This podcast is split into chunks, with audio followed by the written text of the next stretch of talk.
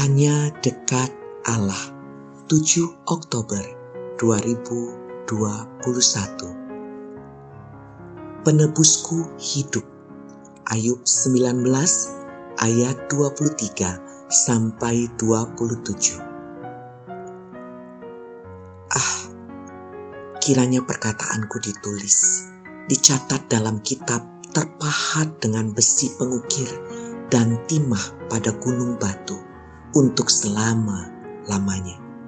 Ayub 19 ayat 23 sampai 24. Demikianlah harapan Ayub. Dia ingin keluhan, rintihan, dan gugatannya kepada Allah dicatat.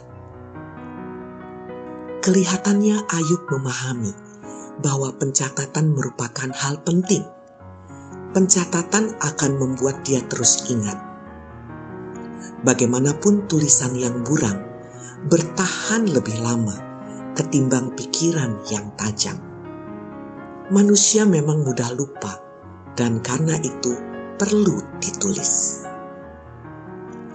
Tampaknya Ayub juga meyakini bahwa tulisan entah di atas kulit, kertas, juga batu, akan membuat manusia terus belajar. Dan tampaknya Ayub ingin belajar dari apa yang menimpa dirinya. Dan Ayub tidak ingin menyembunyikan kepahitan yang menimpa dirinya. Kemungkinan besar karena Ayub percaya bahwa apa yang terjadi pada dirinya suatu waktu akan berakhir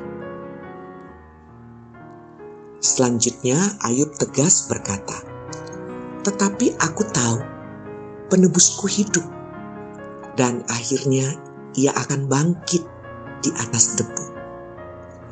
Juga sesudah kulit tubuhku sangat rusak, tanpa dagingku pun aku akan melihat Allah yang aku sendiri akan melihat memihak kepadaku. Mataku sendiri menyaksikannya dan bukan orang lain hati sanubariku merana karena rindu. Ayub 19 ayat 25 sampai 27.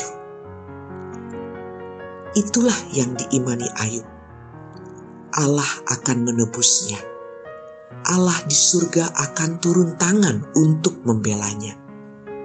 Meski dengan tubuh yang sudah rusak, Ayub percaya bahwa dia akan melihat Allah memihak dirinya. Ayub percaya suatu saat Allah akan menolongnya. Ini memang cuma perkara waktu. Dan karena itu, bertahan dalam penderitaan merupakan hal logis. Salam semangat dari kami, literatur perkantas nasional. Sahabat Anda bertumbuh.